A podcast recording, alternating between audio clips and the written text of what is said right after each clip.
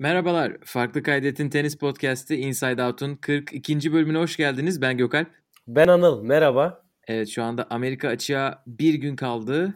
Şu anda bir pazar akşamı kaydediyoruz. Pazartesi sabah yayınlanacak program. Dördüncü Grand Slam öncesi heyecanlı bir moddayız. Senenin artık son Grand Slam'ine geldik. Nerede? O Avustralya açıkta Osaka'nın ikinci kazandığı zaman, Djokovic'in Nadal'ı yendiği zaman o zamandan beri üstünden artık 8 ay geçti ve 7-8 ay geçti ve şimdi son Grand Slam başlıyor. Biz de Anıl'la bugün her Grand Slam olduğu gibi detaylı bir şekilde e, kurayı konuşacağız. Hem erkekler hem kadınlar tarafına. E, ama e, Grand Slam'e başlamadan önce e, bir iki ufak haber var. Bir tanesi çok güzel bir haber. E, Çağla Büyükakçay bugün 25K'lık bir turnuva kazandı. E, Anıl'a soracağım e, maçla, e, turnuvayla ilgili düşüncelerini. Çünkü Anıl e, turnuvaya gitti. Almanya'da olmasını fırsat bilerek. Aslında çok da yakında değildi ama işte içindeki tenis aşkı podcast dinleyicilerimize fayda sağlamak adına e, atlamış gitmiş. Anıl sen bir anlat bize hangi maça gittin, nasıldı e, ortam, Çağla nasıldı, e, sendeyiz. Ya çok küçük bir şehirdeydi turnuva ama e, ortam olarak yani bildiğimiz klasik bir tenis kulübü. Hafif böyle e, şehrin küçüklüğünden ve e, yaş ortalamasının yüksekliğinden dolayı seyircilerin de yaş ortalaması 75 civarıydı. Yani dolayısıyla maçta alkışlayan tek kişi bendim neredeyse. Hatta alkışladığım için fırça da yedim böyle bir ara. İlginç bir tenis kültürleri var. Neyse e, ama hani mühim olan Çağla'nın turnuvayı kazanmış olması. Yani organizasyondan ben e, hiç memnun değildim. Çünkü scoreboard bozuldu. Finalde de e, Çağla'nın yarı finalinin maçının önemli bir kısmında da hiçbir şekilde scoreboard'u hani zaten internet üzerinden takip edilemiyordu. Bizim orada izlerken de takip edebileceğimiz bir scoreboard yoktu yani. Böyle bir, bir şey ben ömrümde ilk defa gördüm. Ee, onun haricinde Çağla'dan, Çağla'dan önceki maç 2 saat 40 dakika sürdüğü için maç epey bir akşama sarktı ve Çağla'nın maçı da uzun sürdüğü için e, hava hafif hafif kararmaya bile başlamıştı yani Çağla'nın e, maçı bitirmek üzereyken son sette. Dolayısıyla e, uzun soluklu bir gün oldu. Yani 6 saat tenis izledim iki neredeyse iki kadınlar maçında. Ama değdi mi? Değdi tabii ki. Çünkü Çağla'nın o mutluluğunu ve o e, çok duygusal bir maçtı. Yine Çağla zaten çok duygusal bir oyuncu biliyorsun. E, maç içerisinde de çok inişler çıkışlar oldu ama hep kendini böyle push etmeyi başardı. Çünkü hani seyirci desteğin olmadığı yerde bireysel bir sporda kendinizle baş başasınız. Çağla bunu çok iyi yaptı gerçekten. Her sayıdan sonra hadi dedi bu puan dedi. E, hep inandı, devam etti ve kopmadı ve sanırım o, o konsantrasyonu da maçı ona kazandıran önemli etkenlerden biri oldu. Ki rakibine Montreux'de geçen sene yenilmişti. Ondan önce 2017'de W İstanbul'da kazanmıştı ama e, en son maçı e, Zanevska kazanmıştı. Dolayısıyla e, esasında çok gergin ama e, özgüven olarak çok kritik ve iyi bir maçtı. Bundan dolayı da e, şeyi takdir ediyorum Çağla'yı yarı final maçından. Final maçı çok daha e, rahat geçmesini bekledim. Çünkü önden önce de e, rakibinin maçını izlemiştim. Çok zayıf bir bekendi vardı ama e, returnleri iyiydi. O yüzden biraz e, direnebilir gibi oldu Çağla'ya karşı ama Çağla hem tecrübesiyle hem yüksek konsantrasyonuyla e, durumu kotardı ve çok e, net skorla şampiyonluğa azandı. Bu açıdan e, çok mutluyuz yani Çağla için de hani Amerika açıktan sonraki hafta önemli bir e, sıralama atlayacak. Şimdi tabii ki tam net bilmiyorum ama 200'lerin başı ya da 190'ların sonu gibi bir yere bile gelebiliyor olacak ki bu Avustralya açık öncesi e, puan tablosunda tabii ki muazzam bir e, yükselme oldu. İki haftada 80 puan topladı yanlış saymadıysam ve bu onu sıralamada tekrardan çok yukarı çıkardı. E, moralini ve konsantrasyonunu çok iyi gördüm. Fiziksel olarak iki haftanın sonunda olmasına rağmen gerçekten çok diri ve her topu kovaladı. Hani bazı gereksiz sayıları bıraktı tabii ama e, yani bu kolay bir şey değil hakikaten. iki hafta üst üste final oynamak fiziksel olarak çok yorucu bir şey ve sonuna kadar bunu e, kovaladı ve şampiyonluğa uzandı. E, bundan dolayı da gerçekten Çağla'nın antrenmanlarının çok doğru ve bilinçli olduğunu da biraz da görüyoruz. Ee, inşallah önümüzdeki seneye yaklaştıkça seviyesi de iyice artacak ve gelecek sene bizi daha yukarılarda temsil etmeye başlayacak diyorum. Valla teşekkür ederiz. Dediğin gibi e, Çağla zor sezonlar geçirdi son 1-2 sezondur. Şimdi yükseliş sezonu demişti zaten biz onunla e, podcast yaptığımızda Stereo Podcast'te e, konuk olarak bizi geldiğinde e, ve dediklerini de yapıyor. Hani şu anda Amerika açığı kaçırdı elemeleri ama e, hani iyi oldu 25K kazanmış oldu Avustralya'ya da e, gümbür gümbür gidiyor. Hani sıralamada gayet iyi. E, özellikle dediğin yerlere gelirse zaten e, çok iyi bir noktada olmuş olacak. Deyip istersen yavaş yavaş e, Amerika'ya doğru gidelim. Daha Grand Slam'e gitmeyelim. Amerika kıtasına gidelim önce. Çünkü dedik ki size şöyle bir şeyleri hatırlatalım. Ağustos ayının e, öne çıkan oyuncularını hatırlatalım. E, iki tane Masters oldu. Biz Masters hiç konuşmadık. Toronto ve Cincinnati. Hani oradaki şampiyonları, finalistleri e, kısa kısa konuşalım. İsimleri zaten detaylı olarak kuraya geldiğimizde konuşacağız. Ama e, turnuvaların üstünden geçmekte fayda var. E, Anıl istiyorsan ben erkeklerle başlayayım. Sonra senin yorumlarını da alayım. E, erkekler tarafında Ağustos'ta biz Washington turnuvası başlarken bir podcast çekmiştik. O turnuva da tamamlanmamıştı. Washington'da Kyrgios Medvedev'i yendi finalde 7-6 7-6 ile. E, Kyrgios için çok ilginç bir turnuvaydı. Orada Sisipas'ı yendi yarı finalde. E, ve o, o turnuva böyle Kyrgios'un iyi olduğu, e, insan olarak iyi olduğu turnuvalardan birisiydi. Çıldırdır turnuva değildi. Böyle her maç sayısında e, seyircilere e, nereye atayım diye sorduğu öyle keyifli olduğu turnuvaydı. Kazanmayı bildi orada arkadaş. E, aynı hafta Los Cabos oynanıyordu. Orada Schwartzman Taylor Fritz'i yendi. E, bu iki bu iki turnuva Masters'lardan önce oynanan turnuvalardı. Şimdi Masters'a gelecek olursak Toronto'da e, Nadal e, geçen sene olduğu gibi e, burada yine Toronto'yu kazandı. Yanlış hatırlamıyorsam kariyerinde arka arkaya kazandığı ilk sert kort turnuva. E, bunu daha önce yapmamış diye hatırlıyorum. E, Medvedev'i yendi finalde. 6-3-6-0 gibi çok net bir skorla yendi. E, Fonini'ye karşı oynadığı bir hafif zor bir maç var ama Fonini'de e, çok aslında formda da değil. E, ayak bileğinde bir sıkıntı varmış. Maç sonrası hatta Nadal soruyordu e, nasıl durumda diye. Bu turnuvada e, değişik skorlar hani böyle ön plana çıkan iki diğer isim de bir tanesi Hubert Hurkaç. Burada Taylor Fritz ve Sisipas'ı yendi. Diğeri de Hachanov. Hachanov Wawrinka'yı, e, Felix'i ve Zverev'i yendi Toronto'da deyip Cincinnati'ye geçmeden Anıl bir sana sorayım. Eklemek istediğin, yapmak istediğin bir yorum var mı?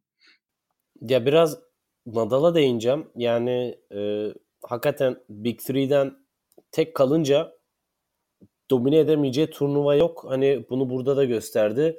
Çok çok e, net skorlarla aldı birçok maçını ve hani oyun olarak zaten finali de 6-3-6-0 aldı Medvedev'e karşı ki Medvedev biraz sonra da ayrıca bir e, konuşmak gerekir. Onun da çok yükselen bir formu var.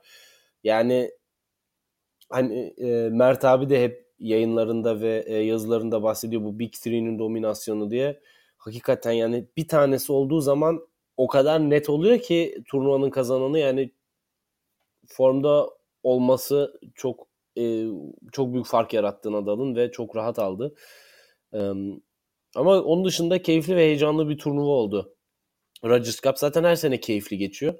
Hani bu da e, yani ben bunu şey fitili ateşleyen turnuva olarak görüyorum Rogers Cup'ı böyle esas bu US Open öncesi son e, barut artık girdi ve yavaş yavaş patlamaya hazır bomba şeklinde devam ediyor bence.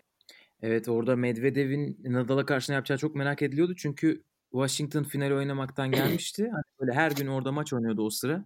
Ve sonra Nadal'a karşı çok büyük beklentiler vardı. Na, aslında maç ilk birkaç oyun çok da böyle e, yakın başladı. Ama sonra e, Nadal Medvedev'e karşı uygulaması gereken her şeyi uyguladı. E, detaylarına şimdi girmeyelim ama e, belki kurayı konuşurken e, denk gelecek is, is, isimlerde bunlara değiniriz deyip e, Hurkaç evet. Haçanov'u atladık. Şimdi, şimdi Cincinnati'ye geçiyorum. Cincinnati'de Medvedev bu sefer aldı böylece böyle 20 gün arka arkaya falan maç yaptı. E, Goffen'i yendi finalde.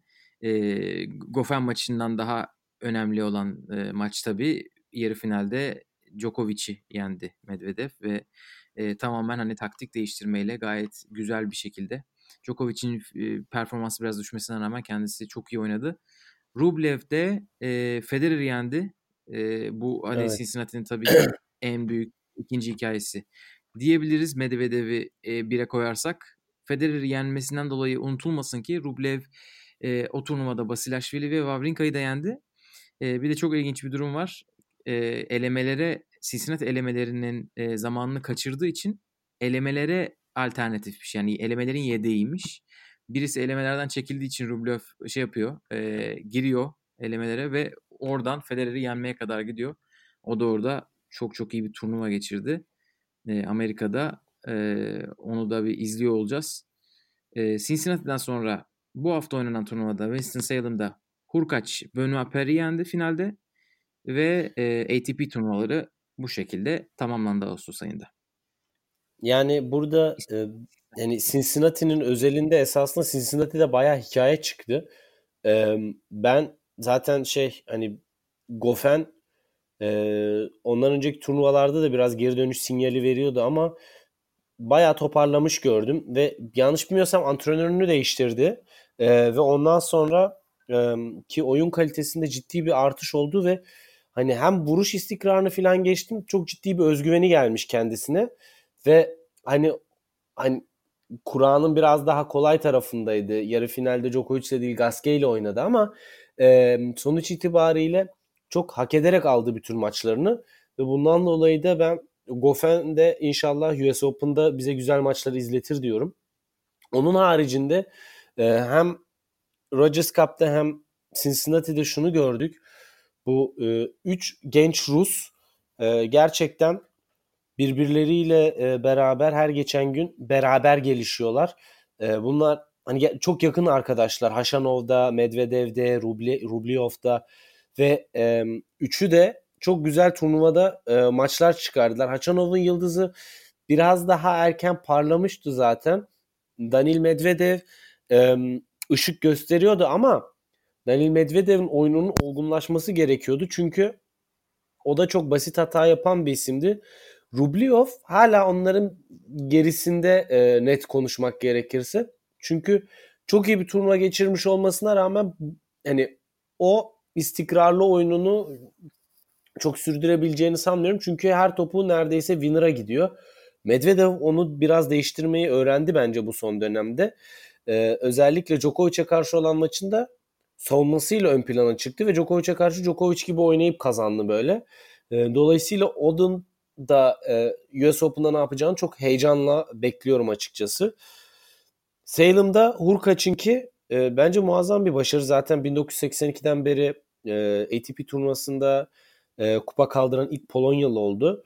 Kendisi de daha çok genç ve aynı zamanda da hani biraz bu hatırlıyorsan önceki podcastlerde demiştim böyle yeni nesil Kevin Anderson'ımız oldu diye. Hurkaç hakikaten hala o e, mütevazı tarzıyla ama e, istikrarlı servisleriyle ve bana göre biraz daha iyi e, rally kabiliyetiyle yeni nesil Anderson'dan biraz bir tık daha ileriye gidebilir belki diye düşünüyorum.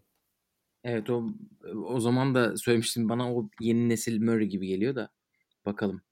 ee, bu Ruslar bu arada gerçekten çok iyi durumdalar. Ne, ne kadar iyi durumda olduklarını söylemek yani anlatmak için Hachanov'la Medvedev şu an ilk ondalar.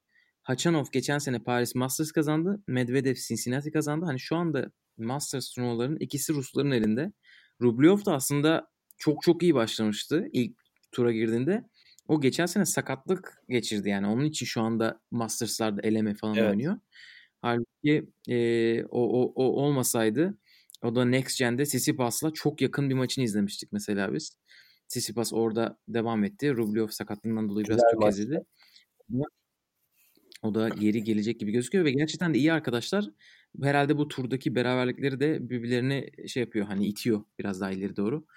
Ee, bakalım onları kurada tekrar bir konuşalım onları kimler bekliyor. Ee, bu arada kuraya geçmeden önce e, court dışı hani turnuvalar dışında bir, ne haberler oldu diye bir baktım. E, kayda değer bir şey e, hani bu Ağustos ayında Federer ve Nadal oyuncu konseyine alındılar. E, bu Djokovic'i biz seneler senelerdir diyorum pardon. Senenin başından beri konuşuyoruz. Djokovic ve oyuncu konseyinin e, neler yaptığını. Onu ayrıca belki Amerika açıktan sonra üzerine değiniriz ama e, Federer ve Nadal da şu anda yönetim kısmında dediler biz de varız. Djokovic de geldikleri çok iyi oldu gibi bir açıklama yapmıştın. Bakalım turnuva bittikten sonra biraz bir şeyler daha konuşacak bir şeyler daha ortaya çıkar. Çok kadar samimi. Ne kadar samimi. Aynen öyle. Ee, şimdi e, böyle bayağı e, yıldız savaşları olacak gibi bir hal var o işin politika tarafında. Ama bakalım politikayı sonra konuşuruz. Tenisin çok olmadığı zaman şimdi zaten Grand Slam var. İstiyorsan ilk kısımdan başlayalım. Kolay yere sana verdim.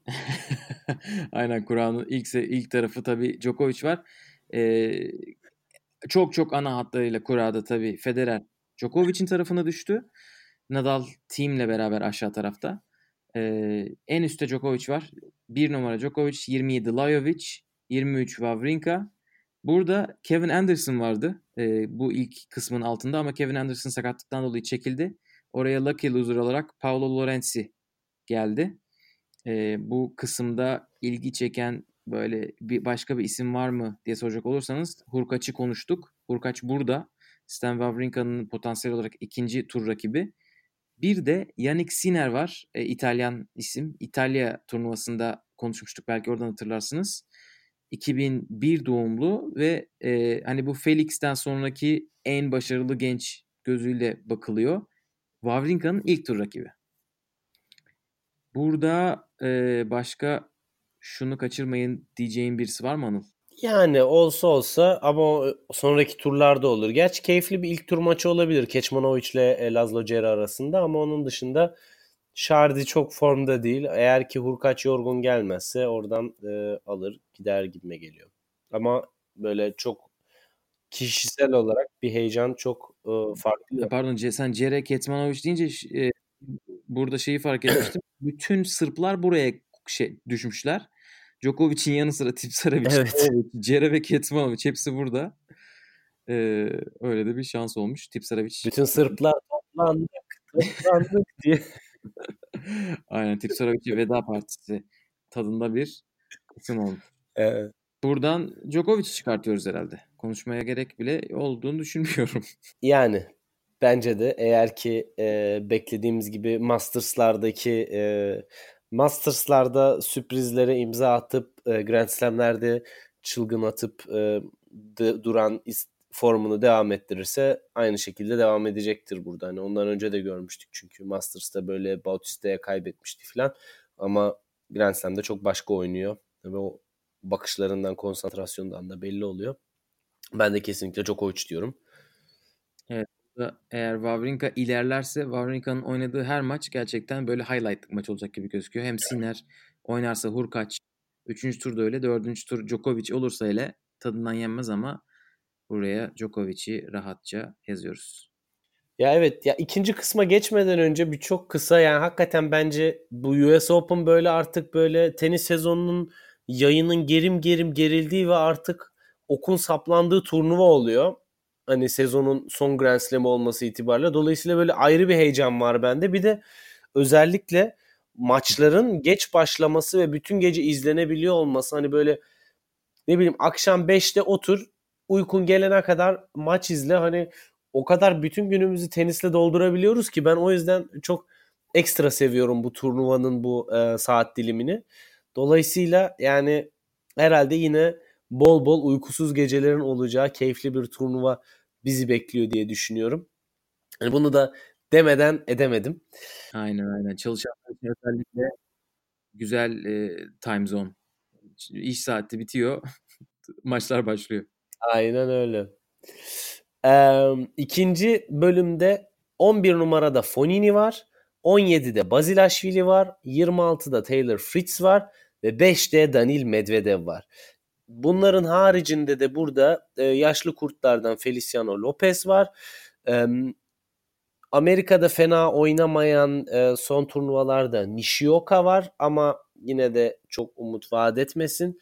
Toprakçı Munar var ve e, Amerikalıların ace şampiyonu diyebileceğimiz Opelka var. Dolayısıyla yani güzel maçların bizi beklediği bir bölüm. Protected Ranking'le Berdik var ama o da hakikaten ben çok yorum yapamayacağım açıkçası. Pek ümidim yok ondan bu turnuva özelinde. Ama yine de bakınca Medvedev'in buradan çıkması gerektiğini düşünüyorum son e, form durumuna bakınca. Fakat çok fazla sert kortta sorun yaratabilecek seri başı olmayan e, keyifli isimler de var. Sen ne düşünüyorsun Gökhan?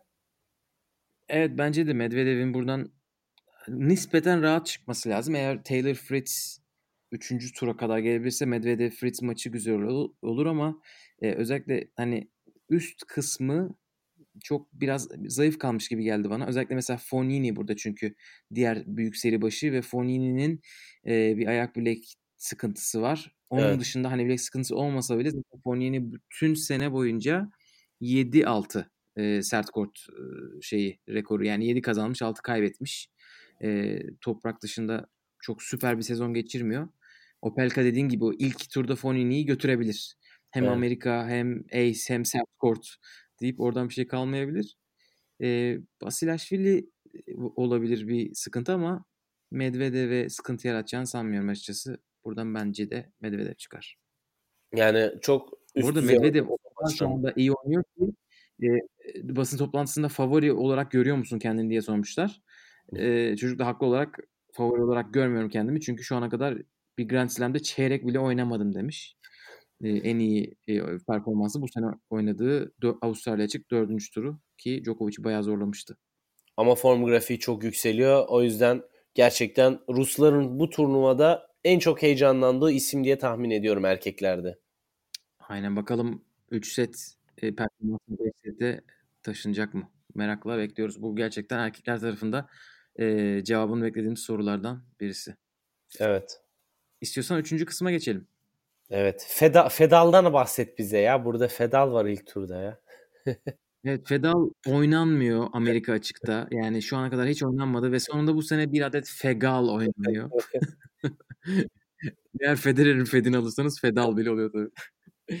İşte ya her sene Federer Nadal Amerika'da sonunda oynayacaklar mı derken Federer gitti ilk turda elemelerden gelen Nagal adlı Nagal soyadlı çekti. Evet burada 3 numara Federer, 25 Puy, 19 Peya, 15 David Goffin var. Yani burası Federer'in olmasından ziyade hani Federer'i konuşuruz. İlk tur maçlarının en yani güzel ilk tur maçlarının en çok olduğu yer galiba. Manarino, Dan Evans, Kohlschreiber, Puy, e, Peya, Pablo Carreño e, ve Corentin Mute, David Goffin bence çok güzel maç olabilir. Evet. O, o yani... e, zaten Mute grubunda kendini göstermişti. Bu, bir, burada da bir sürü Fransız var. Fransızlar da buraya düşmüşler. Tabii bir de Federer var. O da Fransızca biliyor hani çok saymak istiyorsan Fransızlar. Aynen. Evet, Federer ilginç bir durumda şu anda. Ee, Toronto oynamadı tabii ki e, Cincinnati oynadı ve Cincinnati'de bir maç kazandı, bir maç kaybetti. E, çok uzun zamandır bu kadar hani az maç oynayarak ilk defa geliyor Amerika'ya. E, özellikle bu sakatlık dönüşü sonrası 2017'de Toronto'da final oynamıştı. E, sonra sanırım Cincinnati'den çekilmişti. Geçen sene Cincinnati'de oynadı, Djokovic'e kaybetti. Çok da iyi gözükmüyordu. E, Toronto oynamamıştı. Bu sefer iyi oynayabilecek bir durumda derken çok çok çok iyi oynayan bir Rublev'a yenildi. Onun için Federer'in aslında hani turnuvaya taze geldiğini söyleyebiliriz. Bir sakatlığı yok, bir sıkıntısı yok. Bir Wimbledon finali var. Atlatmış hani ilk onu sormuşlar zaten basın toplantısında. Ne yaptın Wimbledon finalinden sonra diye. Wimbledon finali pazar günü oynandı. Bunlar pazartesi günü ailecek karavana karavan tatiline çıkmışlar ve karavanda kaldım o pazartesi akşamı. Biraz sırtım ağrıdı falan filan demiş basın toplantısında e, gazetecilere. İşte ondan sonra zaten e, gezmişler etmişler. E, nedir o? Doğum gününe denk geliyordu o zaman böyle Toronto zamanı. E, Mirka pasta yapmış. Ya yani bu detayları hakim olmamız gerçekten çok güzel. Sağ olsun basın toplantısını anlatıyor. e, burada Federer tabii evet maç oynamamanın avantajı ve dezavantajı ile beraber gelecek. Ama açıkçası onun için bence güzel bir kura. 3. turda o, eğer Pui çıkabilirse o sıkıntılı olabilir. Onun dışında Federer'i burada zorlayacak birisi olduğunu ben düşünmüyorum. Sen ne dersin? Yani Pui evet ara sıra böyle sert zeminde sürpriz çıkışları olabilen bir isimdi e, bu sene. Fena bir senede geçirmiyor açıkçası. Yani ilk iki tura baktığın zaman rahat görünüyor ama önce Pui sonra Goffen'le oynarsa o kadar da rahat değil bence e, Federer'in kurası. Ama dediğim gibi yani e, form durumu çok önemli Federer'in. Çünkü Rublev'a karşı oynadığı maçta Rublev hani böyle hayatının tenisini oynadı ve inanılmaz az hatayla böyle acayip vuruşlar yaptı. Hani bilmiyorum Federer'in o gün ki oyunu kötü değildi bence kesinlikle. Bir tutukluğu da yoktu ama o gün öyle denk geldi diyelim. Ee, ben buradan Federer'in çıkmasını ümit ediyorum. Öyle olduğuna da inanıyorum. Ama sürpriz de gelebilir yolda yani 3-4 turda eğlenirse de şaşırmamak lazım. Evet geçen sene dördüncü turda John Millman'a kaybetti. Hani hiç kimse beklemiyordu. John Millman Federer'i Amerika açıkta dördüncü turda yenmesinin cezasını bu sene birinci turda Nadal'ı çekerek buldu ama dediğin gibi Federer burada Amerika özelinde böyle ilk haftada herhalde belki son zamanlarda en çok elendiği turnuva. Bir Tommy Robredo'ya yenilmişliği var. Evet. Ee, geçen evet. sene Millman. Dediğin gibi bir şey de olabilir ama bana bu sene atlatır gibi geliyor. Ya geçen seneki o Milman maçı çok garip bir maçtı zaten ya. Yani orada sanki nefesi kesilmişti, topa koşamıyordu böyle. Çok garip oynadı Federer orada. Ne olduğunu asla söylemedi ama o normal bir şey değildi yani. Nemden midir nedir anlamadım. Geçen seneki maçı çok iyi hatırlıyorum. Garip bir maçtı zaten o. Deyip dördüncü bölüme geçelim değil mi? İkimiz de Federer diyoruz yine e, bir şekilde. Tabii tabii artık yani Federer, Djokovic ve Nadal'ın olduğu kısımları konuşmak artık kısa oluyor. Dörde geçelim. Evet. Dörde geçelim. Şu anda 3'te 3 gidiyoruz e, Gökalp. E, nazar değmesin.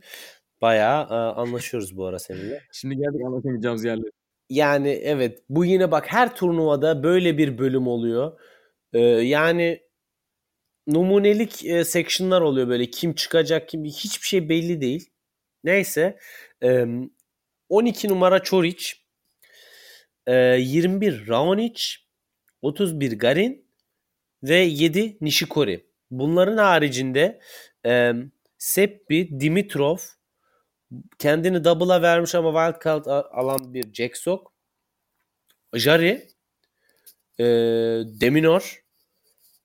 Burada e, kayda değer isimler bir de hani gerçekten bu tenis dünyası için önemli bir isim bence match fixing yani e, maçlarda teniste şike ile ilgili çok fazla e, kendini öne atıp bu konunun aydınlanması için uğraşıp tenis camiasından aforoz edilen neredeyse Trunceliti de mücadele edip e, kendini e, ana tabloda buldu. Ki mesela Trunceliti de hani bu da belki çok kişi bilmez e, Çağla ile aynı akademide oynuyorlar. Yani aynı akademiye bağlılar. Dolayısıyla Öyle de bir ilginç bir e, kişi var buradaki bölümde. Ben açıkçası şimdi burayı zor görüyorum Gökalp. Çünkü Raon için sakatlığı e, tekrar nüksedebilir. Biliyorsun Felix'e karşı çekildi Kanada'da. Değil mi? Yanlış mı hatırlıyorum? Evet Kanada'da çekildi Felix'e karşı. Ondan sonra Çoric formda değil. Yani e, Wawrinka ile ilk defa karşılaşmıyor Dimitrov. Bence bayram ediyor. E, hakikaten esasında Nishikori'yi ben beğendim. Buradan Nishikori'yi mantıken çıkarmak gerekiyor ama Dimitrov da sürpriz yapabilir diyorum. Deminor bu sene ikinci ATP turnuvasını kazandı. O da e, hazırlanmış bir şekilde geliyor buraya. Yani e, buradan böyle birkaç sürpriz oyuncu olabilir diyorum ama yine de genel kanım e, Nishikori yönünde. Sen ne diyorsun? Ya burası dediğin gibi her seferinde böyle bir kısım oluyor. Burası Kur'an'ın açık ara diyeyim. Bak tekrar konuşuruz. En güçsüz kısmı. Hani çünkü seri başları hep böyle formsuz sakatlıktan dönen isimler toparlanmışlar. Nishikori de iyi durumda değil. O da e, Wimbledon'da Federer'e kaybettiğinden beri maç kazanmadı. Hem e, yani orada sanırım Cincinnati'de Nishioka'ya kaybetti. Raonic öyle çekildi dediğin gibi. Dimitrov'un oynadığı son 8 maçın 7'si kayıp. kaybetti. Nishioka'yı yenmiş olması lazım. Neyse. Yo Nishiyoka'ya yenildi. Hatta Nishioka, o, o, Nishio, e, Nishioka sonra Doğru doğru doğru. Pardon, Evet evet aynen o, o da şey doğru. İzledim de maçı ya. İzlediğim maçı. Pardon. isimler benziyor. Aynı ülke. E, Çoric de iyi durumda değil çok fazla. Ya burada e, Garin de zaten tiri başı ama yani sert kort en e, tercih ettiği yer değil. Ben buradan Deminor'u çıkarttım. Hani buradan kim faydalanabilir? Hadi bir oynayalım kumar ve Deminor diyelim dedim. Valla benim de gönlümden geçen e, Deminor. Sen Nishikori diyorsun galiba. Yani çok hani birini söylemiş olmak için ama hani bu geçen sef geçen turnuvada da konuştuğumuz gibi hani hiç kimsenin e, çıkmayı çok hak ettiği bir e, yerin olmadığı bir section bence. Hani Çoriç'e hiç değinmedik ama Çoriç de bu ara çok formsuz yani e, maalesef. Yoksa Çoriç aslında bu zeminde çok iş yapabilecek bir oyuncu. Ama evet. Böyle geçelim burayı. Zaten burayı bilmek e, notayı tutturmaktan zor. evet yani iyi durumda olan bir Nishikori tabii ki burada açık ara favorisi olur. Ee, çok aslında çok bir, önemli bir sakatlığı yoksa Amerika'yı çok seven bir raket Nishikori. Burada final oynamıştı var. Geçen sene daha yarı final oynadı. Ee, Djokovic'e kaybetmişti. Onun için Nishikori'yi öyle şey yapmamak lazım. Küçümsememek lazım. Onu e, kurası da fena değil gibi gözüküyor. İstiyorsan o zaman aşağı kısma geçelim artık. Evet, aşağı tarafta e, yangın yerini bir anlat bize bakalım. Geldik yangın yerine. Evet 5. kısımdan başlayalım. 8 numara Tsitsipas. 28 Kyrgios. 24 Berrettini. 10 Bautista. Evet Tsitsipas'ın ilk tur rakibi Rublev. Bu e, hani böyle kura çekilir çekilmez Twitter'a böyle düşen maçlar oluyor. Onlardan birisiydi. E, Richard Gasquet burada. Berrettini'nin ilk tur rakibi. Richard Gasquet eskide kaldı. Neden onu söylüyorsunuz derseniz Richard Gasquet gayet iyi bir sezon geçirdi. Gayet iyi bir Ağustos geçirdi ve Cincinnati'de yarı final oynadı. E, Alexey Popirin burada genç yeteneklerden. Herhalde onlara değinsek yeterli olur diye düşünüyorum. Ha J. Simon varmış ya. Sen sen ekle. Bak yeni görüyorum. Yeterli değilmiş. ben de şimdi çok şey yapmayayım dedim ama evet Gilles Simon'da var. Ama gerçi Gilles Simon biraz daha eskide kaldı. Gaske e, çok formda hani aynı jenerasyon oyuncuları olmasına rağmen. Ama sonuç itibariyle biraz daha e, şey haber değeri taşıyan maçlar çıkabilir buradan diyorum ben. Özellikle Kyrgios'un ilk turda bir Amerikalı ile oynaması da ilginç şeylere magazinsel olarak sahne olabilir bence. Evet Kyrgios acaba Amerika'ya gelecek mi? Bir ceza var mı falan filan derken e, ekstra bir ceza çıkmadı Kyrgios'un en son yaptıklarından sonra. Ve e, şimdi Steve Johnson oynayacak. Onu büyük ihtimalle büyük bir korta da koyarlar. Bakalım o hangi Kyrgios karakteri olarak gelecek. E, Sisipas'ı herkes çok merak ediyor. Nasıl oynayacak diye. Sisipas Grand Slam'lerde e, hani diş gösterebileceğini e, bu sene gösterdi. Bu yeni ekipten, gençlerden e, Big Three yenen ilk isim olması lazım. Yanlış hatırlamıyorsam. Next. Yani Federer'i eledi Avustralya'da. E, ha Grand Slam'de evet. Aynen Next Gen tarafından Tabii. Grand Slam'de evet yoksa ya hani hep böyle Zverev konuşuyoruz ama Grand Slam diyoruz derken bu çocuk onu yaptı. Ama e, şu sıralar bir evet. duraklama dönemi diyelim sene içerisinde. O 3 tane 3 maç kaybetti arka arkaya şimdi. E, ve hani iyi bir durumda olsa bile ilk tur Rublev potansiyel olarak ikinci tur Simon sonra üçüncü tur Kyrgios. Hani gerçekten zorlu bir kura çekmiş. Ben lafı uzatmayayım. Richard Gasquet'i de burada keşke biraz daha ilerlese diyeceğim ama ben buradan çok e, banko e, yeni dönemin David Ferrer'i Bautista'yı Roberto Bautista'yı çeyreğe yazdım. Sen ne dersin? Yani RBA e, ben ben buradan onu çıkarmak istemiyorum ya. Yani istemiyorum derken böyle hissiyatım onun takılacağı yönünde ki dördüncü tura kadar çok rahat. Hani ama dördüncü turda gidecek gibi bence. Ve e, buradan ya yine seri başının en yükseğini söyleyeceğim ama Tsitsipas buradan çıkmalı ya. Yani net çıkmalı. Yani e, eğer ki bak bir ayında demiştim onu sanırım hani Tsitsipas artık turnuva seçmeye başlayacak e, kapasiteye geldi. Hani e, her oynadığı turnuva onun o andaki performansını çok yansıtmıyor. Farklı şeyler de deniyor olabilir vesaire e, dedim ve onun da arkasında duruyorum ve Grand Slam dedim mi tekrardan ön plana çıkar deyip Tsitsipas'ı çıkarıyorum burada. Ki hani Rublev'la ilk turda karşılaşmaları da çok efsane bir şey hakikaten. Yani Rublev e, form durumunun gazıyla ilk turda Tsitsipas'ı süpürürse o da sürpriz olmaz bu arada yani. Hani o da olabilir. Çok çünkü e, den, güç dengelerinin birbirine yakın olduğu bir maç olması bekleniyor. Evet, çok güzel ilk tur maçı. Bu e, yanılmıyorsam salı günü oynanacak. Takip etmek isteyenler için e, kaçırmayın. İstiyorsan 6. kısma geçelim. Geçelim. Ee, burada 13 numarada Gael Monfils var. 18 numarada e, Kanadaların genç yıldızı e, Felix Auger Aliassime var. 30 numarada Kyle Edmund var. Ve 4 numarada Dominic Thiem var. Buradan e, gerçekten bu isimlerin dışında bir e, geçen sene Roland Garros yarı finalisti Cecchinato var. Onun haricinde Kanadalıların yeni diğer next gen'i de aynı zamanda Shapovalov var. Ki bu arada John McEnroe karakter olarak ve oyun stili olarak bu dönemde oynasaydı Shapovalov Shapovalov gibi oynardın deyip böyle ilginç bir açıklamada bulunmuş o kadar tenisçi arasından. Ve e, gerçekten seyir zevki yüksek bir isim daha var burada. Sasha Bublik. Hani bu açıdan e, güzel e, ilk tur maçları burada da oynanacaktır diye düşünüyorum. Bu sene ilk kupa, ATP kupasını kaldıran Sonego da burada bu arada. Yani ama e, genel olarak şunu söyleyelim. Bu, burada da birbirine yakın maçlar olacak ama keyifli maçlar olacak diye düşünüyorum. Ben buradan kimi çıkarıyorum sence Gökalp? Felix'i mi? Ben buradan Gökalp Felix'i çıkarıyorum. Vay anasını ya.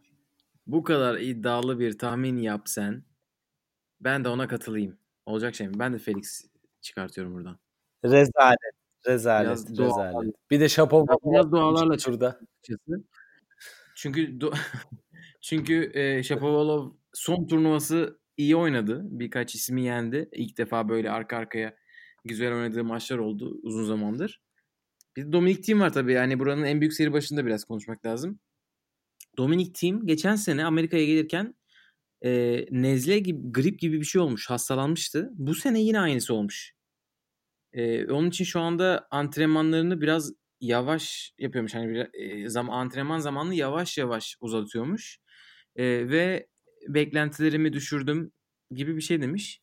E, Dominic Thiem hani has, hasta gibi geldiği geçen sene Amerika açığında çok iyi bir turnuva geçirip Nadal'a 5. set tiebreak'inde kaybetmişti çeyrek finalde. Evet. Şimdi hem e, geçen senenin e, tecrübesi var hem de biraz artık beklenti kafasında olmadığı için belki rahat oynar ama benim de açıkçası burada e, bu kısmı yukarı tarafından birisini çıkartasım gelmişti. Ya Felix ya Monfils diye düşünüyordum. Çünkü açıkçası Shapovalov istediği kadar mükemmel oynasın yani o atak tenisle e, tutarlı 5 setlik maç oynamak gerçekten çok zor. Bu mesela Rublev için de geçerli ama Shapovalov daha çılgın bir tenisi var. Onun için buradan Felix ile Monfils hmm. maçının kazananı diye düşünmüştüm kafamda. Oraya da Felix'i yazdım. E, Monfils'e çünkü hani güven olmuyor sakatlık, sağlık konusunda. Ama açıkçası Dominik timin de ne yapacağını çok merak ediyorum burada. Evet katılıyorum. Yani ama e, team bilmiyorum ya. Yani biraz çok mu erken mi gömdüm adam ama e, US Open'da ben hani dördüncü tura gelir. Gerçekten çok rahat kurası var orada. Oradan sürpriz yeme olasılığı yok ama öbür taraftan daha e, sağlam biri gelecektir diye düşünüyorum. Yani Felix team maçını esasında Felix'in alması lazım bence. Fakat ondan önce team'e zorluk çıkaracak bir tane Allah'ın kulu yok burada. Evet evet ben de katılıyorum. Timin alması lazım. Yani Kyle Edmund maçını da rahat alması lazım. Öncekileri de. İstiyorsan 7. kısma geçelim. Evet. 7. kısma geçelim. Evet. Buyur. Evet, burada 6 Sasha Zverev, 29 Benoit Per, 20 Diego Schwartzman, 9 Karen Hachanov. Burada bakalım başka kim var? Ee, Songa var burada. Hachanov'a yakın. Hachanov tarafında. Bir de Zverev'in ilk turda oynayacağı Radu Albot bu sene çok tutarlı, çok böyle muntazam bir sene geçiriyor. Ee, Aynen, her turnuvada kesinlikle. güzel oynuyor. Ee, hani çok etkileyici bir servisi, çok güçlü vuruşları yok belki ama bu sene kariyerin en iyi senesi. Hani onu güzel bitirmek istiyor. Bir gazla geliyor. Olabilir. Ee, bir de tabii Benoit Per burada gerçekten iyi bir formda. Burada Tiafo var. Ha, Tiafoe var. Evet evet. Tiafoe'yu atlamışım pardon. Zverev'in ikinci tur rakibi olabilecek bir noktaya düşmüş kurada. Tiafo fena maçlar oynamadı son turnuvalarda. Yani e, burada dördüncü tura çıkarsa şaşırma. Hadi be. Amerika bir de ev sahibi olmanın gazıyla Evet. diyorsun. Tabii tabii. E, onun da muhakkak etkisi olacaktır. E, yani dördüncü tur Tiafo kesinlikle sürpriz olmaz burada.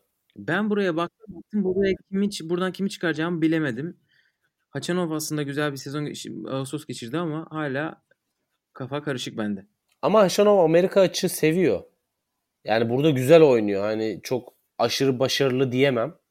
Ee, ama o biraz da kura ile alakalı. Fakat e, yani ben buradan açıkçası ya bugüne kadar 3. turu hiç geçemedi. Ama bu sefer şansı epey yüksek yani. Hani dördüncü tura kadar zaten zorlayacak Diego Schwartzman var. Fakat Diego da Amerika'da e, ne kadar etkin olabilir hani orada da biraz şüphedeyim açıkçası. Hani iki sene önce bir çeyreği vardı. Hatırladığım en yüksek başarısı. Evet. Onun haricinde Songa var. Songa yapmışlar. Üçünü de Songa almış. Ee, ve bir tanesini e, birkaç hafta önce oynadılar Washington'da. Belki o olabilir. ben yine de Haşanov diyorum ya. Yani e, dikkat ediyorsan bu sefer Zverev hiç konuşmuyorum. Ama ha bu se- bu arada Zverev de artık resmi olarak e, Federer'in e, menajerlik şirketiyle anlaştı. Artık iyice resmi bir şekilde Federer'in kanatları altına da girdi. Bakalım Allah akıl fikir versin Zverev'e diyoruz. Köpeğiyle kortta oynamaktan başka bir şey yaparsa belki maç kazanmaya başlayabilir tekrardan. Bakalım. Almanya Zverev'e karşı sistemli. E ben buradan bir çılgınlık yapıp Benoit Per'i çıkartıyorum. Hadi hayırlısı diyerek. Olabilir, olabilir. Yani Pierre e, bu hafta da yine final oynadı Hurkaç'a karşı. Ortalama tenisçilere karşı gerçekten tecrübesiyle ve artık e, vuruş istikrarı da kariyerin ilerlemesiyle beraber çok yükseldi. Rahat maçlar alıyor. Hani bir tık üst seviye oyunculara karşı çok direnemiyor. Ama onun haricinde Benoit Per buradan gayet çıkabilecek bir isim. Yani. Ama ben hala Haşanov diyorum. Sen Ruslara inanıyorsun. Şimdi burada son section'a geçelim o zaman. Senin eklemek istediğin bir şey yoksa. Haydi geçelim. Burası çok acayip bir bölüm. 14 numara Isner var. 22 numara Çiliç var. 32 Ferda, e, Fernando Verdasco var. Ve tabii ki toprağın kralı sert zeminde de e, büyük üstad Rafa Nadal var. Onun haricinde bu sene e, gerçekten güzel maçlar çıkaran Jan Lennart Struff var Alman. E, Norveçli Nadal Akademi'den Kasper Ruud var. Onun haricinde sakatlıktan geri dönen nihayet e, Chung var. Hani Challenger'lardan filan e, oynadı. Puanlarını topladı tekrardan. Elemelere katıldı ve elemelerden geldi. Onu da inşallah güzel birkaç maç izleriz diye düşünüyorum. Kokinakis yılların müzmin sakatı. Acaba şu anda ne seviyede onu bilemiyoruz ama geçen sene Federer'i eleyen Milman da burada. Yani esasında baya böyle burada çarpışmalar olacak ya Gökalp. Yani bu Section 8'e Nadal olmasa diyemezdim yani kim çıkar buradan diye kolay kolay biliyor musun? Ama Nadal diyoruz. çok güzel bitirdin. Ben de katılıyorum. Nadal olmasa buranın seviyesi bence de birbirine çok yakın. Ama yani olay bir olunca adam gitti. Sert kort oynamıyor böyle oynadığım çekiliyor derken çat Toronto'yu kazandı. Ee, bence de burada Nadal Kokinakis maçı böyle tatlı bir maç olabilir. Nadal Chung maçı da eğlenceli geçebilir ama buradan sonunda Nadal çıkar bence. Aynen. Yani Isner böyle e, servisleriyle anca dördüncü turu belki görebilirse seyirci desteğiyle filan ama fazlası zor. Aynen. Ki Struff bile eğer Kasper'i geçerse Isner'ı alır. Çünkü Struff'un da servisleri çok kuvvetli. Return'ü de var. Evet. Ki Kasper de e, çok e, şeydi. Yani Casper mı okunuyor Kasper mi bilmiyorum artık Norveçlilerin e, telaffuzunu da. O da gayet e, formda bir tenisçi. Yani Isner dayak yiye yiye gelir en iyi ihtimalle dördüncü tura. Evet. E, Nadal'ın üstünde bu arada biraz artık bilmiyorum e, baskı var mı e, beklentilerin çok olmasından dolayı. Çünkü kura çıktığından beri Nadal'ın ne kadar güzel bir kura çektiği biraz konuşuldu. E, hem gazeteciler tarafından hem de direkt gazeteciler sormuşlar.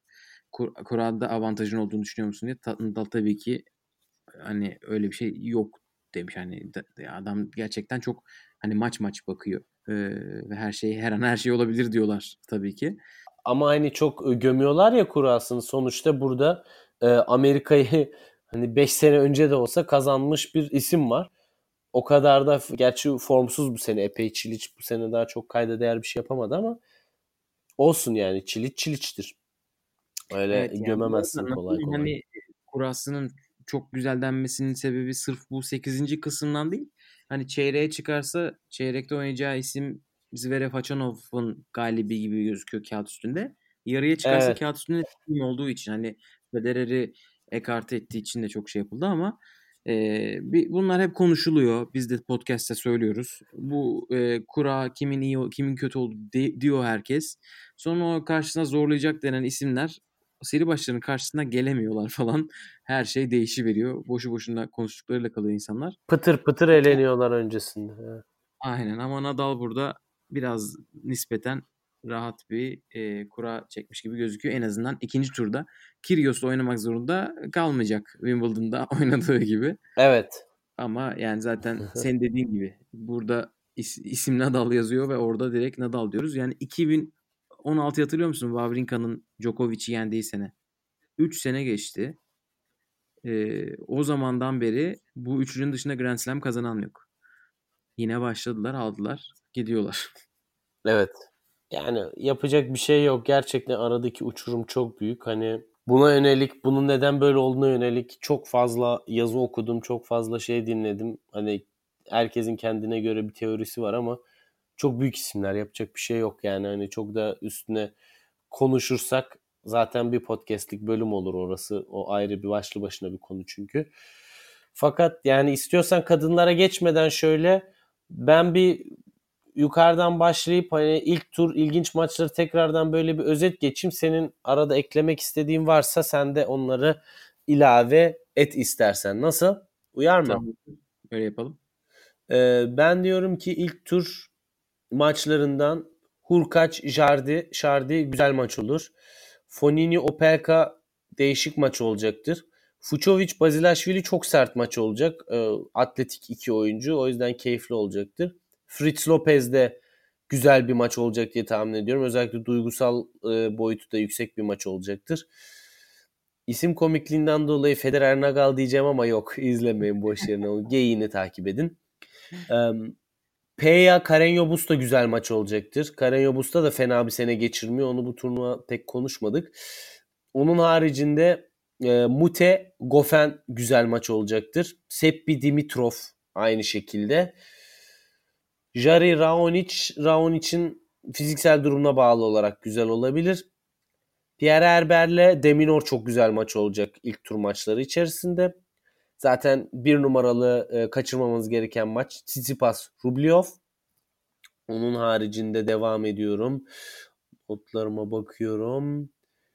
Buradan Shapovalov Felix Ojiye Aliyesim kesinlikle kaçırılmaması gereken bir maç. Ondan sonra bakıyoruz. Karlovic Tiafo da keyifli maç olur. Devam ediyorum. Milman Nadal güzel olur ve Deep e, Struff Ruth var bir de. Evet Struff Ruth da çok güzel maç olacaktır. Bunları kaçırmayın diyorum ben. Gökalp var mı ekleyeceğin? Vallahi bence her şeyi söyledin. Ee, kadınlar kurasına geçebiliriz. Evet tamamdır. O zaman e, istersen yine kısaca bir şekilde sen bir kadınları sezon öncesini bu aradaki turnuvaları bir özetle oradan bir giriş yapmış olalım. Kadınlarda çünkü işler epey inişli çıkışlı. Tamamdır. O zaman ben bütün turnuvaları okuyayım. Ee, ondan sonra senin yorumlarını alırım. Sonra da kuraya geçeriz. Ee, Ağustos'un başında San Jose ile Washington oynandı. San Jose e, Washington'a göre daha yüksek e, ödüllü bir turnuva. Orada Cenk Saysay kazandı turnuvayı. Nereden geldiğini şaşırdık. Arina Sabalenka'yı yendi. E, bu turnuvada Sakkari ve Vekic yarı final gördüler. E, aynı hafta oynanan Washington'da e, Jessica Pegula Camila Giorgi'yi yendi. Camila Giorgi neredeyse bomboş bir sene geçirirken birden çat diye finale çıktı. E, ve orada iyi bir turnuva geçirdi. Sonra oynanan artık önemli turnu daha önemli turnuvalar Toronto ve Cincinnati. Toronto'da Bianca Andreescu e, fırtınası esti. Bianca Andreescu Miami'den beri bir tane maç yapmıştı. Fransa açığa katıldı böyle arada bir. Sakatlığı vardı. Sakatlıktan dönüşü itibariyle e, yani inanılmaz Acayip. bir tablo yenerek, herkesi yenerek Kasatkina, Bouchard, Sofia Kenin, Karolina Pliskova, Kiki Bertens finalde Serena'nın e, daha ilk dördüncü oyun biter bitmez çekilmesiyle kupayı aldı. E, bunu kurada da konuşuruz. Ama Toronto'da e, dikkat çeken bir başka isim Sofia Kenin, Ash Barty, Yastremska ve Svitolina'yı yendi. E, Serena'nın da bu turnuvada Osaka'yı çeyrekte yendiğini e, söyleyelim. E, Cincinnati'ye geçecek olursak Cincinnati'de Madison Keys Kuznetsova'yı yenerek kupayı aldı. Bu Madison Keys'in kazandığı en büyük turnuva. E, Kuznetsova tabii buranın en büyük hikayelerinden birisi. Çünkü Kuznetsova bayağıdır evet. e, bu kadar yüksek ödüllü bir turnuvada final görmüyordu. Burada Ash Barty, Sloane Stevens ve Karolina Pliškova'yı yendi. E, bu isimler dışında Ken'in burada yine yarı final gördü. E, Venüs'te iyi bir turnuva geçirdi Cincinnati'de. E, ve en son olarak da Bronx'ta ilk defa bir turnuva oynandı bu sene. E, sanırım New Haven oynanıyordu geçen sene herhalde bu zamanda. E, Bronx'a taşındı turnuva. Burada da Magdalinet, Camila Giorgi geçerek Camila Giorgi de böylece Ağustos ayının ikinci finalini oynamış oldu. Şampiyon oldu. E, form durumları böyle. Bir tane de kötü bir e, kort dışı haber var. Zaten herkes artık biliyordur. Amanda Anisimova'nın babası vefat etti. E, Anisimova da 17 yaşında hani bu durumda ama e, onun için tabii çok üzücü bir durum. 24 numaralı seri başı olacaktı. Bu durumdan dolayı da e, turnuvadan çekildi. Evet, gerçekten. Çok kısaca bir özetlemek gerekirse Andreescu, Serena, Madison Keys, Kuznetsova bunlar e, Ağustos ayının ön plana çıkan isimleri gibi gözüküyor. Evet yani gerçekten o kadar çok isim saydın ki WTA turnuvasının biraz da özeti oldu bu. Yani her turnuva farklı birileri ortaya çıktı. Sofia Kenin harici o biraz e, aradan istikrarını koruyan tek isimdi gibi görünüyor. E, Anisimova'ya ben de başsağlığı diliyorum. E, ben de biliyorsun bir buçuk ay önce kendim babamı kaybettim. Ben dolayısıyla epey anlayabiliyorum onun da içinde bulunduğu durumu. Turnuvadan çekilmesi de son derece doğal ve normal. Ama işte hayat devam ediyor. Tamam.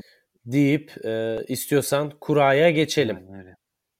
Haydi geçelim bu sefer sen başlaydın. Evet tekrardan bir numarayı devralan Osaka birinci bölümün bir numaralı seri başı 28 numara Suarez Navarro e, turnuvaların bilinen en sevilen sempatik oyuncusu. Anet Kontaveit 21 numaralı seri başı ve İsviçreli Gökalp'in hemşirisi Belinda Bencic de 13 numaralı seri başıyla bu section'da yerini alıyor. Bunların haricinde Amerikalıların çok büyük hikayesi Korigov ee, devam ediyor. Kısa süre önce Kerber'e karşı kazanan Potapova'ya karşı oynayacak ilk turda. elemelerden gelip e, single kariyerine biraz daha önem vermeye başlayan Timea Baboş da burada ve e, Alize Korne de burada ve kısa süre önce kupa kaldıran Pegula da bu bölümde yer alıyor. Ben yine de buradan e, Osaka'yı çıkarıyorum. E, ya ben de buradan bakıyorum. Ben de buradan Osaka'yı çıkardım. Ben açıkçası elim çok bench'e gitti. Ama ne zaman e, hani gitmiyor bizim, ki Gökalp? Ne zaman gitmiyor elin bench podcast takip edenler bilirler. Hani biz böyle bir isim söylüyoruz. Sonra o isim o Grand Slam'da başarılı olmuyor ama bir sonraki Grand Slam'da başarılı oluyor. Bu işte Roberto Bautista ile oldu, işte Medvedev falan filan derken Sabalenka. Bence hiç olacak. Herhalde söylemediğimiz zaman olacak ama evet. e, bu sıralar çok maç kazanmadı yoksa ben de bench diyecektim. Gerçi kaybettiğim maçlar Svitolina ve Azarenka e, bu sırada. E, Osaka bu arada çok daha rahat bir modda girmiş. Basın toplantısında çok böyle mutlu bir haldeydi. Çok rahat. İşte çok relax haldeyim. E, burada e, ki son şampiyon olmaktan dolayı üstüne çok büyük stres yok. Çünkü hani bir turnuvayı, turnuva puanı koruma stresini Indian Wells'de gördüm.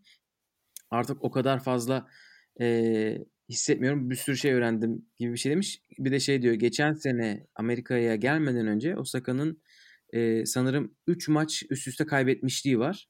Bu sene 2 tane çeyrek final oynadı. Toronto ve Cincinnati'de üst üste. Onun için biraz daha iyi durumdayım diyor. E, en son oynadığı maçta kendine karşı diz sakatlığına dolayı çekilmişti ama dizim iyi demiş. E, onun için hani iyi durumda gözüküyor. Açıkçası kurası da bence gayet iyi. Burada eğer e, Amerikalılar bayılırlar herhalde. Osaka Gauff maçı olursa 3. turdaki Gauff'a da çok şey yapmamak lazım. E, hani her şeyi alacak gözüyle bakmamak lazım ama olursa o da çok çok izlenen bir maç olur. Gauff zaten daha ilk gün itibariyle Louis Armstrong stadına konmuş. Potapova ile oynayacak. Şimdiden onu çok büyük statlara koymaya başladılar. Ama Gökalp sence doğru mu bu? Yani açıkçası ben e, Wimbledon'da Coco Gauff'u merkez korta koydukları zaman oynadığı 3. tur maçıydı galiba. E, onu onun saçmalık olduğunu düşünmüştüm. Çünkü hem dediğin gibi birincisi e, yani bu çok çok küçük bir kız. O o tarz bir sahne için. E, onun için zor bir şey olabilir. E, ikincisi hani hem sonraki maçlar için değil o o maç da kötü gidebilir. E, onun için hani ben Kokogov onun altından kalkamayacak gibi düşünmüştüm ama bu kız özelinde orada gitti o maçı kazandı. Bir de üstüne hani çok olgun bir tavırla e, onu şey yaptı. Yönetti o o atmosferi. Bir de onun üstüne ben açıkçası Gauff'un bu kadar fazla popüler olacağını beklemiyordum.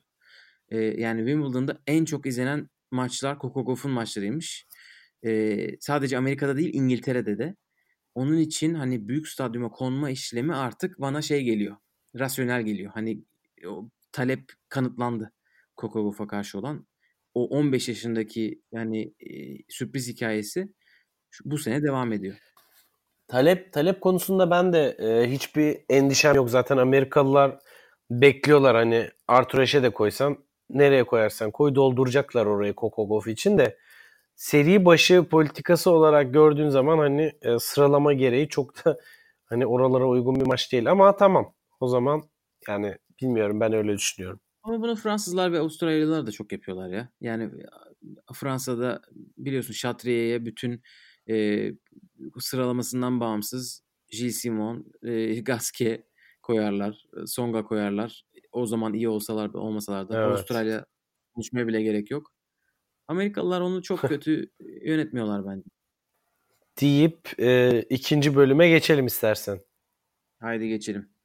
Evet ikinci kısımda 9 numara Sabalenka, 23 Vekic, 26 Görges, 7 Bertens var.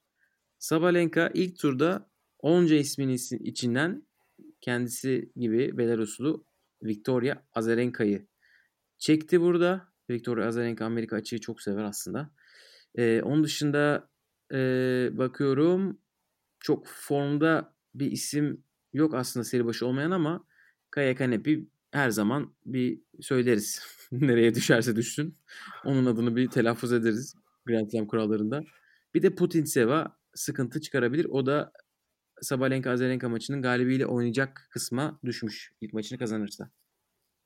Buradan Kimi kimi çıkardın? Evet. Ya yok ben şunu diyecektim esasında yani o zaman buradan çıkacak kişi WTA kurallarına göre e, formda olmayanlardan birisi çıkacak. Hani her turnuva başka biri formda ya WTA'de. O yüzden oradan birilerini mi seçmek lazım? Bilemiyorum artık. Kadınlar maçlarını hiç kestiremiyorum. Burası şöyle ilginç olmuş. Burada Sabalenka ve Bertens en e, yüksek seri başı konumundalar. E, bu ikisi geçen sene Amerika e, yazını böyle tozunu attırmışlardı. İnanılmaz maçlar oynamışlardı. Sabalenka son hafta bir turnuva kazandı. Böyle Cincinnati'de çeyrek falan oynamıştı. Bertens Toronto final yapıp Cincinnati'yi kazanmıştı. Bu sene Bertens'ten esame okunmadı. Gitti Palermo'da toprak oynadı. Sonra Toronto ve Cincinnati'de tek maç kazanabildi. Sabalenka biraz daha iyi durumda ama geçen seneye göre o da kötü durumda. Böyle ilginç geçen senenin çok iyi durumda olanları buraya düşmüşler. Ee, bu kadar hengamenin arasında ben Vekic'i çıkardım. Vallahi güzel bir e, tercihte bulunmuşsun. Sen kimi çıkarırdın? Ya benim içimden açıkçası Sabalenka geçiyor. Hadi bakalım. Sabalenka geçen sene burada çok güzel oynayıp şampiyon olan Osaka'ya kaybetmişti. Ya bu turnuvada yani oyunu itibariyle çok uygun. Hani Vicky de güzel e, maçlar çıkardı bu sene hani uzun bir aradan sonra. Ama yine de Sabalenka ilk turda onu geçecektir diye düşünüyorum. Ondan sonra da yolu bana açık geliyor açıkçası. Haydi bakalım. O zaman üçüncü kısma geçelim.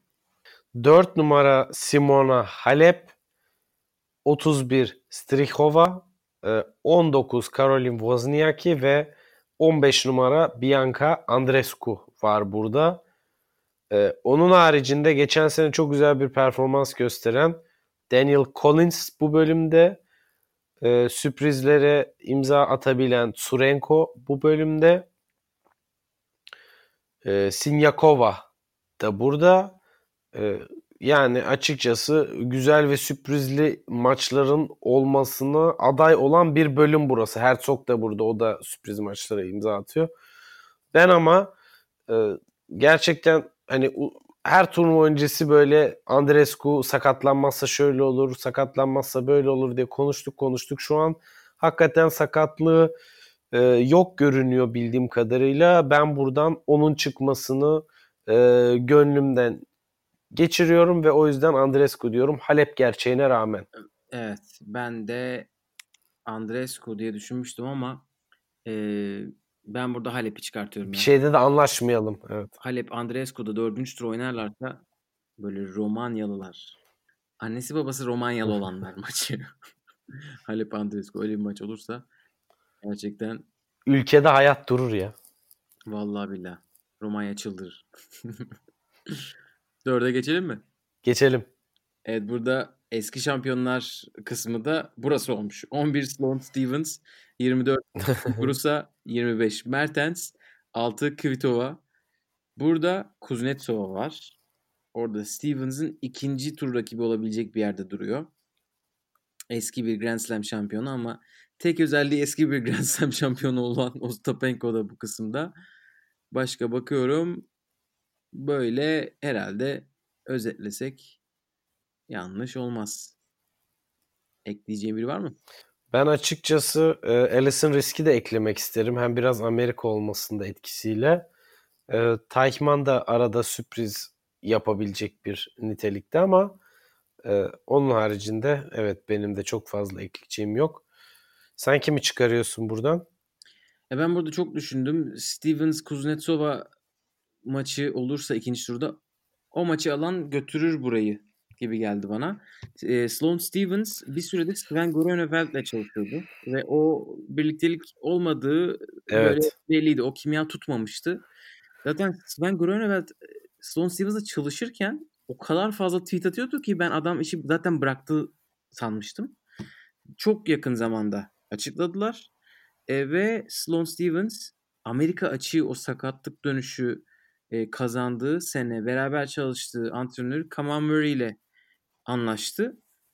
Onun gazıyla Sloane Stevens'a şey yaptım. Doğru kaydım. Evet burası zaten çok böyle muallakta bir bölümde açıkçası. Çünkü Kvitova zaten formda değil şu aralar. Ee, o kadar. Hani o silip süpürdüğü dönemden eser yok. Muguruza desen o da çok bir e, form durumu yüksek değil. Mertens de keza öyle. Yani böyle hep seri başları biraz e, erkekler tarafındaki e, o bölüm gibi olmuş açıkçası. Yani ben de buradan Stevens'ı çıkarıyorum. Ama hani böyle içime sinmeyerek çıkarıyorum. e, burası tam böyle seri başı olmayan birisinin çeyrek göreceği. Aslında öyle evet. Ve hani şunu da söyleyeyim. Son maçlarında Ostapenko'nun da form durumunu beğenmedi değil. Fenaya gitmiyor. Sana söyleyeyim. Yani Allah genel olarak kariyerinde bir toparlanma evresine geliyor şu anda. Hani bu şey özelinde e, konuşmuyorum hani turnuva özelinde ama genel olarak e, tekrardan bence ön plana çıkacaktır Ostapenko. Hani alır mı bir Grand Slam daha orası çok zor da deyip o zaman e, hangi kısımdayız şimdi? Beşinci kısımdayız değil mi? Haydi beşe geçelim.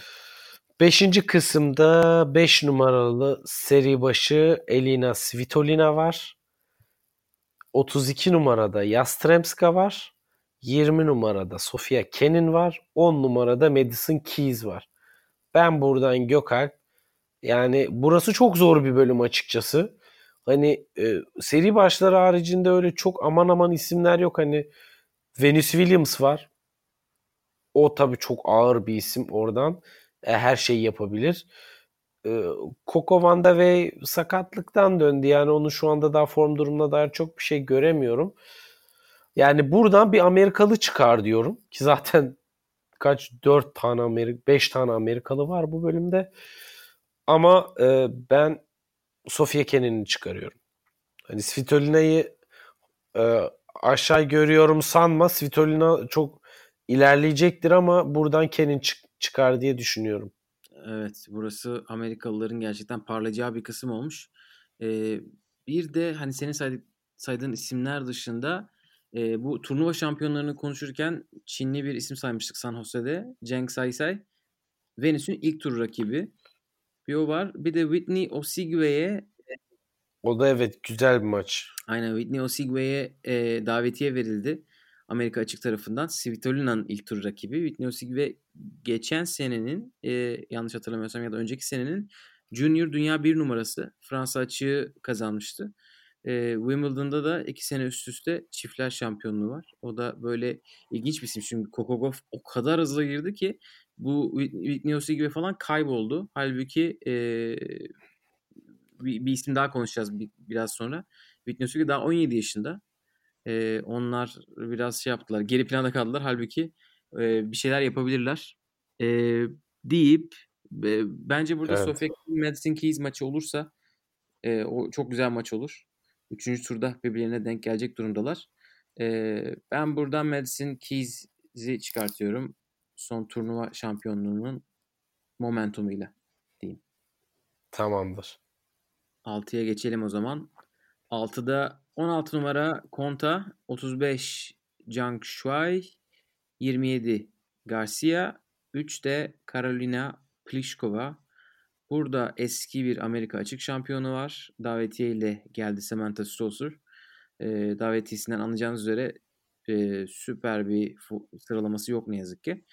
E, bakıyorum. e, açıkçası diğer böyle çok formda bir isim göremedim ben. Seri başı olmayan. Yani yani seri başları da çok formda değil Gökalp hani. Genel olarak formsuz bir kısım biraz. Evet burası Pliskova için hani Pliskova kaybederse şaşacağımız gibi geldi bana. Hani diğer seri başları dediğim evet, gibi gerçekten evet. Monta'da, Yang Shuai'da, e, Caroline Garcia'da böyle çok ön plana çıkmadılar son zamanlarda. Buradan Pliškova'yı Aynen öyle. Yani Pliskova buradan çıkamazsa gerçekten büyük sürpriz olur. Hani az aslında son turnuvaları yani Cincinnati'de gayet güzel oynadı. Kuznetsova'ya kaybetti. Evet. Dolayısıyla İki tane sürpriz isme kaybetti. Sanırım diğeri de Andreescu'ya kaybetti. evet şey Rogers Cup'ta Evet. aynen. Ki ikisinde de set aldı yani öyle Orada- kolpa maçlar vermedi. Ee, dolayısıyla hani bu kısım için gayet bir numaralı aday. Yani Kadınlar tarafında söylenecek en Evet. kolay bölüm herhalde burası oldu. Evet. Güzel bölüme gelelim şimdi. Bura ölüm grubu ya. 8 numara Serena Williams, 29 Sue Shea, 22 Petra Martic, 12 Sevastova. Se- Bunların haricinde bir Maria Sharapova gerçeği var. Eski formundan uzak ama yine de fena oynamayan Timea Baczynski var. Onun haricinde e, elemelerden gelen bir Çepelova var. Yine e, düzenli olarak elemelerden sürekli ilerleyen Ana Bogdan var. Ve gen- genç yıldız e, Polonyalı e, Iga Świątek var. Ve Kanadalıların artık sönmeye aday ama hala genç oyuncusu Jenny Bouchard var. E, ben buradan Serena'yı direkt çıkardım Gökalp ne yalan söyleyeyim. Yani e, güzel maçlar olacaktır ama arada e, ciddi bir fark var diye düşünüyorum. Evet ben ben de katılıyorum. Böyle Açıkçası hani ilk tur maçının e, şeyiyle söylemiştim ben etkisiyle söylemiştim güzel kısma geçelim diye. Yoksa Serena olduğu için çok böyle ölüm grubu olmaktan uzaklaşıyor. Ee, burada bir de iki tane isim Muhova e, Wimbledon'da Pliškova'ya Pliškova'yı mı yenmişti? O birini yendi böyle iyi birisi. Pliškova diye hatırlıyorum. Ee, bir de Katie McNally var. Katie McNally de biraz önce konuştuğumuz Whitney Osigwe gibi aslında genç ama Gauff rüzgarıyla e, çok fark edilmeyen Amerikan yıldızlarından. Geri planda kalan. Aynen Coco Gauff'la beraber aslında iyi de arkadaşlar. Junior'da beraber oynamışlar. E, ve hatta şimdi Washington'da e, Washington onlara davetiye vermişti. O davetiyeyi e, hakkını vermişler ve şampiyon oldular. E, ilk WTA kupalarını kazanmış oldular. Eğer e, ilk tur maçını alabilirse ki Baczynski ile oynayacak. Onun için çok iyi bir Serena maçı olacaktır diye düşünüyorum. Sharapova'nın ben açıkçası şan, yani 5 oyun alacağını düşünmüyorum Serena'ya karşı. Çünkü Sharapova kendisi de yani Evet. süper oynamıyor. Bence Barty'ye karşı kötü oynamamasına rağmen çok fazla çok net bir skorla yenildi. Ee, Amerika'da Serena'ya karşı oynadı. Şimdi tabii bir de bu işin çok kritik bir faktörü var. Serena kimle antrenman yaptı biliyorsun. Kimle antrenman yaptı? Sharapova'nın eski sevgilisi Dimitrov'la antrenman yaptı. Resmen içeriden bilgi aldı. O kendisinin de eski sevgilisi ya. İlk O- turuna gayet hazır bir şekilde çıkıyor her yönden Serena yani. O Dimitrov'un zaten herkese dair bir bilgisi var herhalde arkadaş. Kendisi biraz turda çapkınlıklarıyla ön plana çıktı son zamanlarda performansından ziyade evet. Evet Serena Sharapova maçı e, yani o da aynen Twitter'a düşen maçlardandı. Bu pazartesi gece seansında oynanacak. Hani böyle pazartesi Türkiye'de sabaha karşı olacak. E, hemen arkasından da Federer maçı var. Pazartesi sağlığa bağlayan gecede derseniz ki ben uyumayacağım. Bu maçı kaçırmayın. E, böyle zaten çok çabuk kaçırabilirsiniz. Bence çok uzun sürmeyecek. Benim bu maça dair açıkçası çok inancım yok ama atmosfer büyük ihtimalle güzel olur. Evet.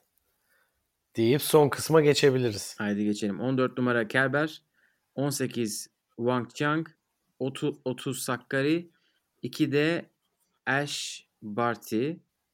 Ee, burada bakalım bakalım Mladenovic var. Kerber'in ilk tur rakibi. Sakkari Georgie ile oynayacak. Georgie ilk başta konuştuğumuz gibi bu ay iki tane final oynadı.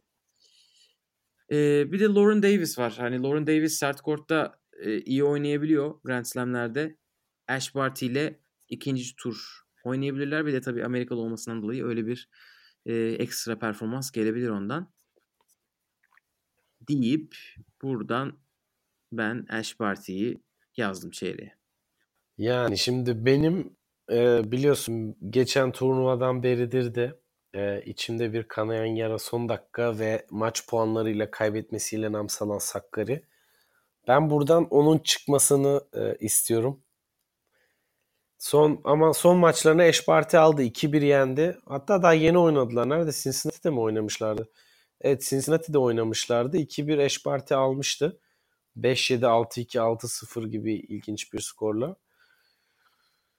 Ama yani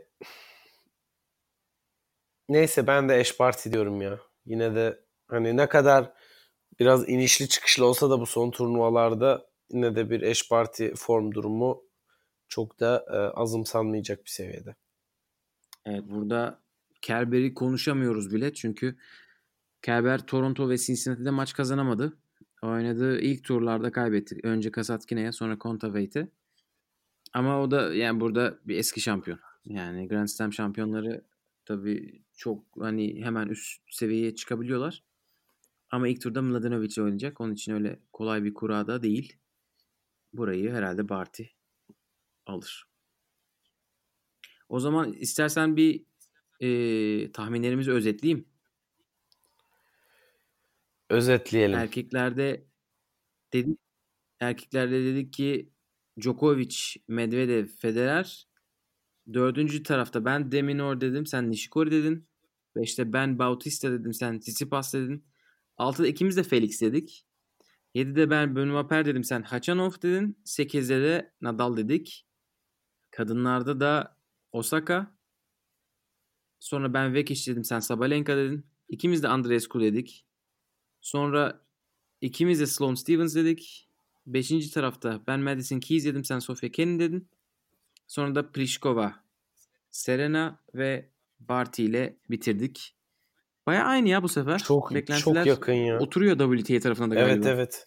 Yani e, biraz da şeyden kaynaklı sanırım seri başı olayına bakınca hani böyle section section gidince hakikaten yani aradan yine hep e, çıkan bir kesim olabiliyor. Bir de bilmiyorum çok mu fazla beraber e, tenis takip ediyoruz. Böyle düşüncelerimiz zamanla birbirine yaklaşıyor da olabilir.